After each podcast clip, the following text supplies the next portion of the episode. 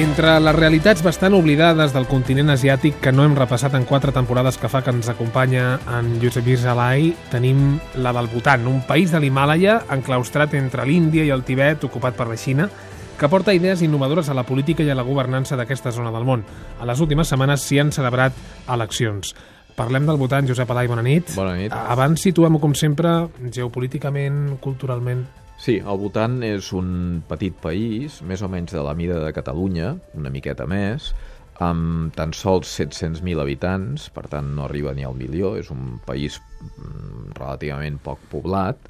Uh, va néixer al segle XVII, com a estat independent, fins a aquells moments doncs, pràcticament era una regió del Tibet, perquè tant de cultura, de llengua, d'escriptura, de religió, de tradicions, és gairebé indistingible del Tibet. Per tant, és un país doncs, ferventment religiós, seguidor del budisme tibetà, amb, ens l'imaginem doncs, en aquestes muntanyes de l'Himàlaia, amb aquests grans monestirs de tradició tibetana, i governats per un sobirà des de principis del segle XX, fins a finals del XIX havia existit una teocràcia d'aquestes tan peculiars d'estil budista tibetà, similar al que havíem vist en anteriors èpoques també, en el cas del Tibet amb els Dalai Lames, en el cas del Bhutan amb un lama anomenat Shabdrung, que era un, un religiós que en certa manera governava el país. El va governar doncs, eh, ja us dic, fins al segle XIX, al segle XX apareix una monarquia, un llinatge de, aristocràtic que aconsegueix dominar la resta de llinatges de la noblesa botanesa i estableixen una monarquia. Una monarquia que ha governat de forma absoluta el país fins fa molt poquets anys, fins l'any 2008 en concret, en què el quart rei del Bhutan va abdicar en favor del seu fill i després de dur a terme tot un procés de transició democràtica en el qual, a partir del qual el Bhutan ha esdevingut una monarquia parlamentària que ja ha celebrat en dues ocasions eleccions lliures. De seguida parlem d'aquesta monarquia parlamentària. Abans, un concepte molt particular de, dels butanesos, la felicitat nacional bruta. Com es mesura això? Sí, aquest eh, és, és, és un concepte molt especial i molt específic del Bhutan, que neix en aquesta tradició, insisteixo, dels Himàlayes, budista tibetana, que intenta combinar una miqueta aquesta tradició tan antiga doncs, de, del, del sostre del món amb les idees més innovadores de democràcia participativa que arriben doncs, des d'altres indrets del món, sobretot des d'Índia i des d'Occident. Mm. Ja el va establir el 1972 aquest quart rei, que finalment va abdicar, dient que a ell li interessava més que la seva població gaudís d'una felicitat nacional o felicitat interior bruta, com va acabar dient, que no pas d'un gran producte interior brut. Mm. Tot això... Sona, sona bé, això. Sona molt bé, no? Sona molt bé i sona molt del segle XXI, en bona manera. És a dir, eh, fixa't que, de, de fet, les Nacions Unides ja van passar de productes interiors bruts, de rendes per càpita, a l'índex de desenvolupament humà, que també mesurava alguns aspectes que fins aleshores, com sanitat, educació, no havien entrat en les mesures de si un país és ric o no és ric. Ells ho fan incorporant tot un seguit d'indicadors que tenen més a veure en com, com vivim, no? I, I això ha esdevingut un mecanisme, un mètode molt complex, en el qual hi ha 33 indicadors diferents que, a partir dels quals s'entrevista la gent i es mesura aquest nivell de felicitat. Uh, aquests 33 indicadors estan dividits, perquè ens fem una idea, en nou dominis. És a dir, pregunten sobre el benestar psicològic de les persones, pregunten sobre la salut de les persones, i aquí coincidirien amb l'índex de desenvolupament humà, sí. també sobre l'educació, sobre el nivell cultural, sobre la bona governança que un sent que, que s'hi veu involucrat eh, socialment, que sí. és un fet també doncs, de molta actualitat a casa nostra, uh -huh. sobre la vitalitat de la comunitat, és a dir, sobre conceptes doncs, eh, tan importants també per nosaltres com la solidaritat dins de la comunitat, sobre la família en la comunitat, sobre quina és l'assistència que donem a la gent gran, per exemple, -huh. també sobre el medi ambient, que també és un tema molt actual, és a dir, vivim feliços si vivim dins doncs, d'una ciutat eh, on no hi veiem verd, no hi veiem arbres, o viuen més feliços els que eh, han respectat més el medi ambient.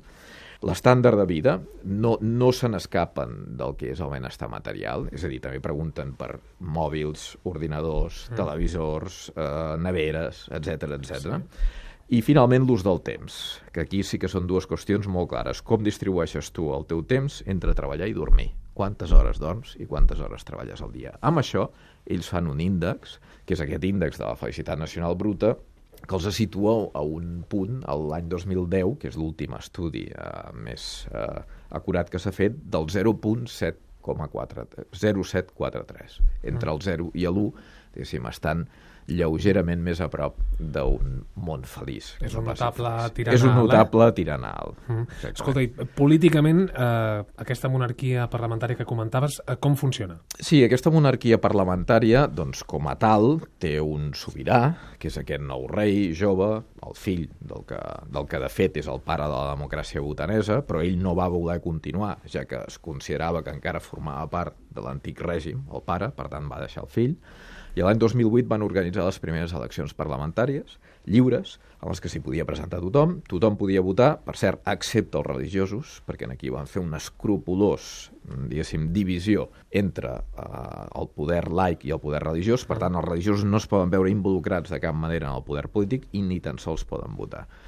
Dit això, que sona fort en un país de tradició budista tibetana, a més a més, ells s'organitzen d'una forma molt especial. És a dir, clar, d'alguna forma interessa que es creïn organitzacions polítiques que fins al moment no havien, no, no havien existit al voltant. L'any 2008 en van aparèixer dues. Una que era la més relacionada amb el poder doncs, secular de fa molts anys en el voltant, que és la que va guanyar aquelles eleccions, i una altra que va ser el primer, si volem, l'embrió d'una oposició amb polítics que no havien estat involucrats en el poder, però que va treure uns resultats molt minsos. Mm. Això ha canviat radicalment en aquests cinc anys. Se celebren cada cinc anys les eleccions. Ara hem tingut les, la segona convocatòria d'eleccions, que està dividit en dues voltes. El 31 de maig van votar, quatre partits diferents, va tornar a guanyar amb el 44% el partit que hi ha en el govern, el dels polítics tradicionals, però el primer partit de l'oposició va treure un 32%, i després dos partits més que van aconseguir un 25% gairebé dels vots. D'acord amb el sistema electoral botanès, d'aquests quatre partits només en poden sortir dos de la primera volta, que són els que es presentaran a la segona volta, que serà el 13 de juliol. Per tant, els altres partits queden eliminats de la contesa electoral.